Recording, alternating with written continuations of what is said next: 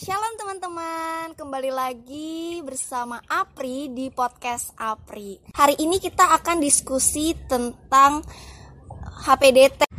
Aku akan ajak temen aku untuk kita sama-sama belajar tentang HPDT ini. Halo Daus. Ya, halo Apri. Salam teman-teman semua yang mendengarkan podcast ini.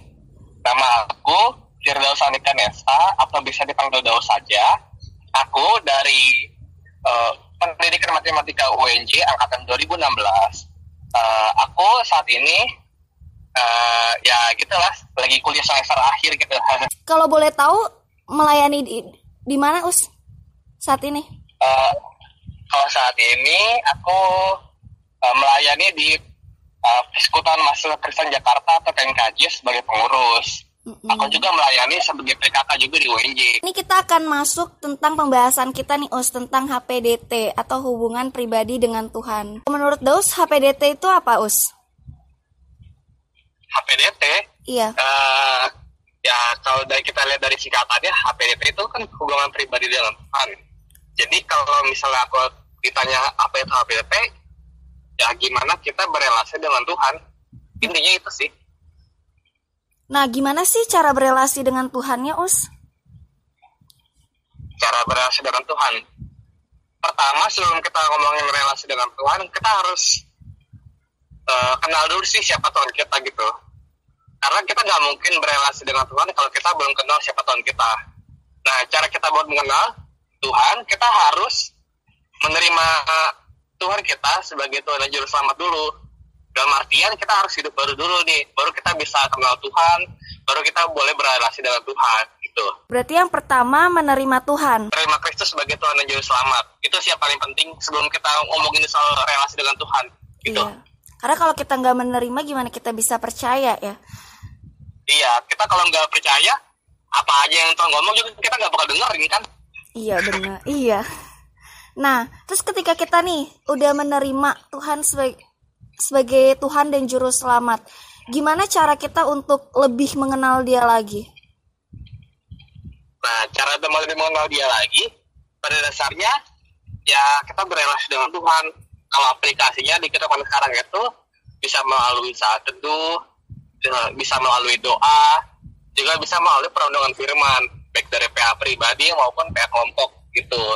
Jadi dari situ kita tahu nih kita sedang berrelasi dengan Tuhan, uh, kita kita tahu gitu kita mau dengerin apa yang Tuhan mau omong kepada kita gitu. Kenapa kita harus sate? Kenapa nggak doa aja? Atau kenapa nggak doa aja nggak usah sate? Atau sate aja nggak usah doa? Kenapa ya? Kenapa tuh? Uh, karena pada dasarnya relasi itu kan dua arah. Nah kalau dua arah sama aja kayak kita berrelasi dengan teman kita atau ke keluarga kita atau dengan siapa pun gitu relasi kan pasti ada kita ngomong ke dia ada dia ngomong ke kita kan. Itu namanya komunikasi dua arah. Iya. Nah dengan relasi kita dengan Tuhan juga itu juga harus dua arah. Ada ada bagaimana Tuhan berbicara kepada kita ada juga bagaimana kita uh, berbicara kepada Tuhan gitu. Nah di sini konteksnya bisa saat teduh doa.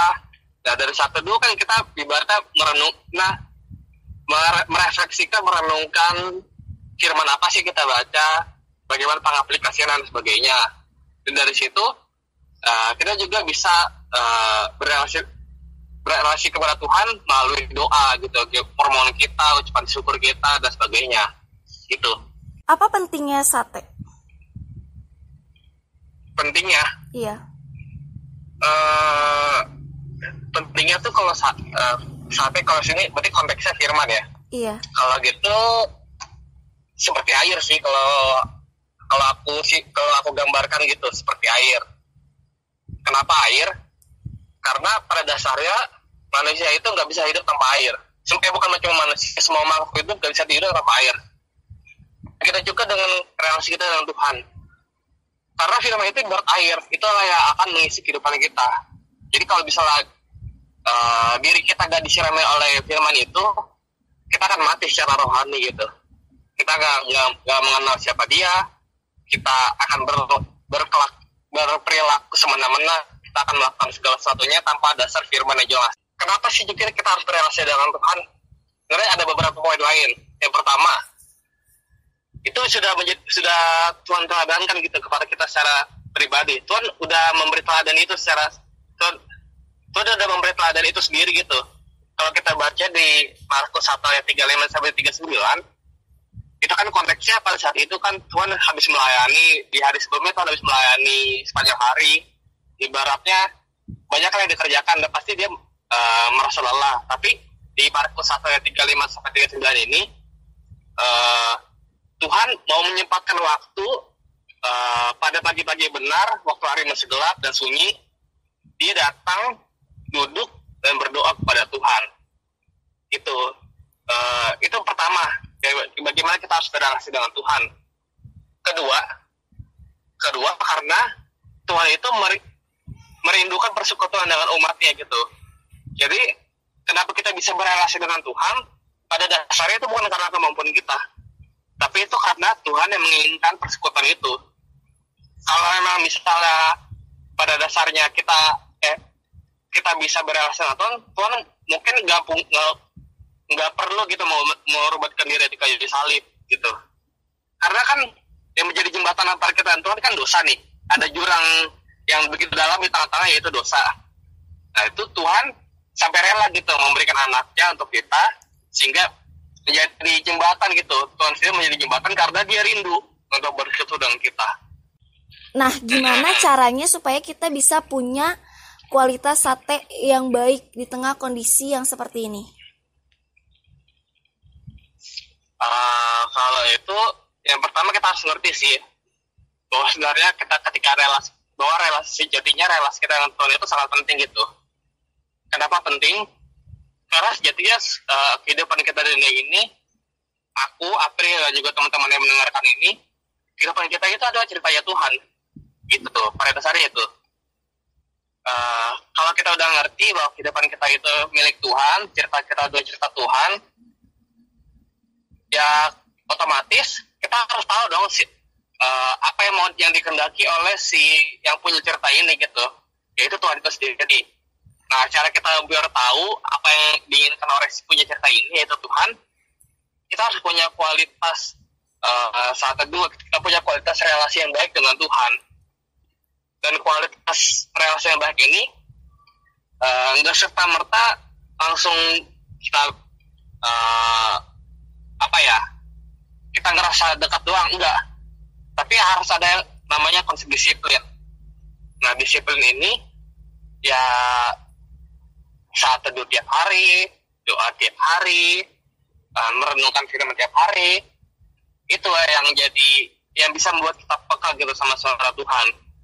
Mm-hmm. Mungkin pada awal, mungkin pada awalnya kita nggak ngerti gitu kalau kita baca firman maksudnya apa sih. Kadang-kadang kita itu kan mikirnya kan, tapi iya. Dengan uh, kita membiasakan gitu, membiasakan uh, saat teduh kita membiasakan merenungin firman, bahkan mungkin juga membiasakan PA pribadi gitu menggali-gali firman. Kita bisa sih harusnya secara pribadi punya kualitas yang baik gitu. Dan kualitas ini kalau aku gambarkan ada dua jenis gitu. Ada secara kuantitas atau banyak atau kualitas yang benar-benar uh, mutu gitu. Nah kalau secara kuantitas mau gak mau aku harus bilang kayak gini kualitas kualitas relasi yang baik itu kalau dilakukan setiap hari. Samanya kayak kayak makan ya kalau makan itu baiknya setiap hari kan. Iya. Nah di sini juga di sini juga uh, saat teduh kita doa kita ya baiknya harus setiap hari. Karena nggak mungkin gitu kayak kita nyiram tanaman disiramnya uh, seminggu sekali ya lama-lama tanaman-tanamannya mati. Sama kayak diri kita. Kita harus disirami oleh firman setiap hari karena dari situ kita akan semakin mengerti sih. Semakin mengerti semakin mengerti apa yang mau Tuhan kendaki dalam hidup kita. Itu secara kualitas untuk kalau itu secara kuantitas. Kalau secara kualitas ya dengan merenungkan itu setiap hari otomatis kita akan semakin mengerti sih. Kita akan semakin dalam semakin paham gimana Tuhan yang kita kasih itu Tuhan yang kita kenal. Sama aja kayak kita memiliki rasa seorang kalau kita semakin mengenal orang kita kita akan semakin mengasihi dia kan nah itu juga kita kita kita semakin mengenal Allah otomatis kita akan semakin mengasihi Allah Nah itu yang aku bilang mungkin kualitas relasi yang baik gitu. Di tengah kondisi kesibukan kita, kita tetap nih sate. cuma sekedar baca gitu itu gimana? Sebenarnya nggak ada yang bisa disalahkan sih. Cuman pada dasarnya berarti dia harus minta hikmat sama Tuhan gitu. Tuhan mau buka apa sih?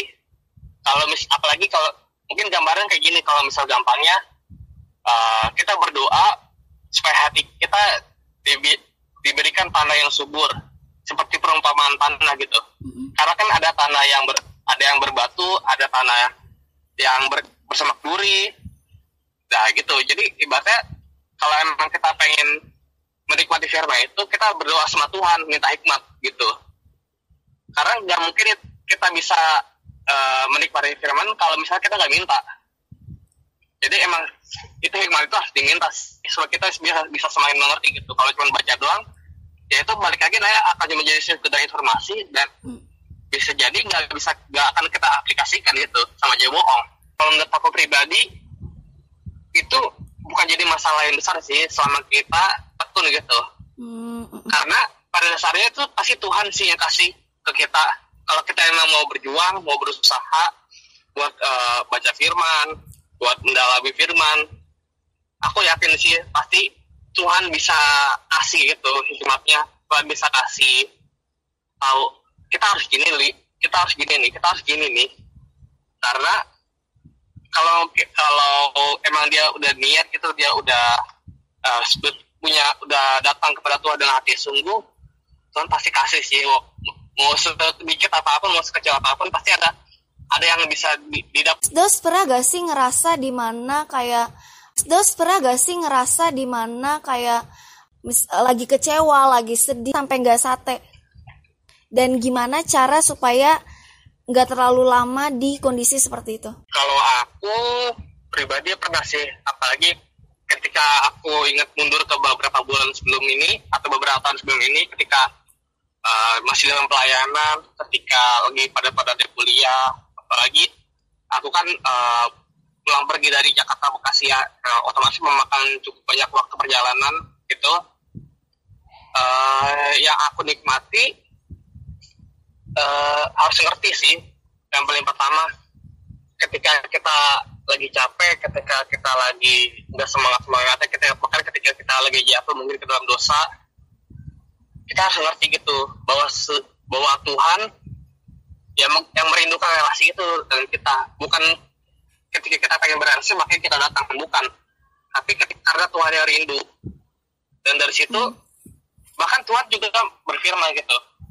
Datanglah padaku yang tidak sudah berupan berat aku akan memberikan Tuhan daripadamu. Dan dari situ justru harusnya Tuhan kita diingatkan kita sama Tuhan. Bahwa kita datang kepada Tuhan bukan bukan hanya ketika kita lagi baik ketika kita lagi diberkati ketika kita lagi uh, ibaratnya memiliki uh, relasi yang baik dengan Tuhan enggak. Justru itu juga bisa juga ya harus datang kepada Tuhan dalam kondisi apa pun bahkan kondisi kita lagi jatuh lagi berdosa kita datang kepada Tuhan kita mohon pengampun sama Tuhan kita uh, ibaratnya meratap lah di hadapan Tuhan gitu. Dari situ kayak tadi aku juga bilang gitu hidup kita itu adalah ceritanya Tuhan dan ketika yang kita lagi di bawah datang kepada Tuhan dan pasti Tuhan tunjukin gitu jalan. Tuhan pasti tunjukin apa yang harus kita lakukan dan Tuhan pasti tunjukin jalan keluarnya gitu. Curhatannya sama Tuhan karena Tuhan itu gak membatasi tuh relasi dia dengan kita gitu. Kita bisa berrelasi dengan dia kapan aja. Ya, bahkan uh, kita bisa doa kepada dia kapan aja nggak harus pas sebelum tidur bangun tidur ketika sebelum makan enggak. Kita kalau bisa kayak sesuatu kita juga bisa berdoa dalam hati kita gitu. Bisa langsung berrelasi dengan Tuhan. Karena memang Tuhan yang mengizinkan seperti itu aku mau uh, menyampaikan kutipan sih yang aku nikmati. Ini kutipan dari Tim Keller gitu. Uh, bahasa Inggrisnya kayak gini. The only person who dares wake up a king at 3 a.m. for a glass of water is a child. Uh, kalau bahasa Indonesia-nya uh, seseorang yang berani membangunkan raja jam 3 pagi itu untuk segelas air cuman anaknya doang. Jadi itu menggambarkan relasi kita dengan Tuhan sih. Kayak raja itu kan orang yang sangat uh, bertahta ya orang yang punya uh, jabatan orang yang punya kuasa gitu yang sangat besar. Kalau misalnya kayak anak orang biasa atau mungkin bawahannya atau mungkin pekerjaannya masih segan kan sama dia. Nah tapi Tuhan mengibaratkan eh, tapi uh, Tim Keller mengibaratkan relasi kita dengan Tuhan itu seperti raja dan anak yang bahkan uh, raja ini bisa dibangunkan jam 3 pagi untuk cuma dimintain sebelah saya ya cuma anaknya doang. Dan kita punya akses seperti itu kepada Tuhan. Jadi ketika kita lagi haus bahkan kita nggak haus jam 3 pagi kita tinggal minta sama Tuhan dan pasti Tuhan kasih gitu. Terima kasih Daus. Semoga uh, podcast ini boleh memberkati setiap orang-orang yang boleh mendengarkan. Dan ketika orang mendengarkan mereka boleh uh, mengaplikasikannya dan jadi tahu sih kalau iya ya uh, kenapa gue nggak ceritanya sama Tuhan aja kenapa gue malah cerita ke orang-orang kalau gue lagi sedih atau kecewa padahal kan Tuhan setiap harinya lagi nunggu kita nih untuk denger cerita-cerita kita ya kan iya oke terima kasih Daus Iya, iya sama-sama Apri. Yeah. God bless.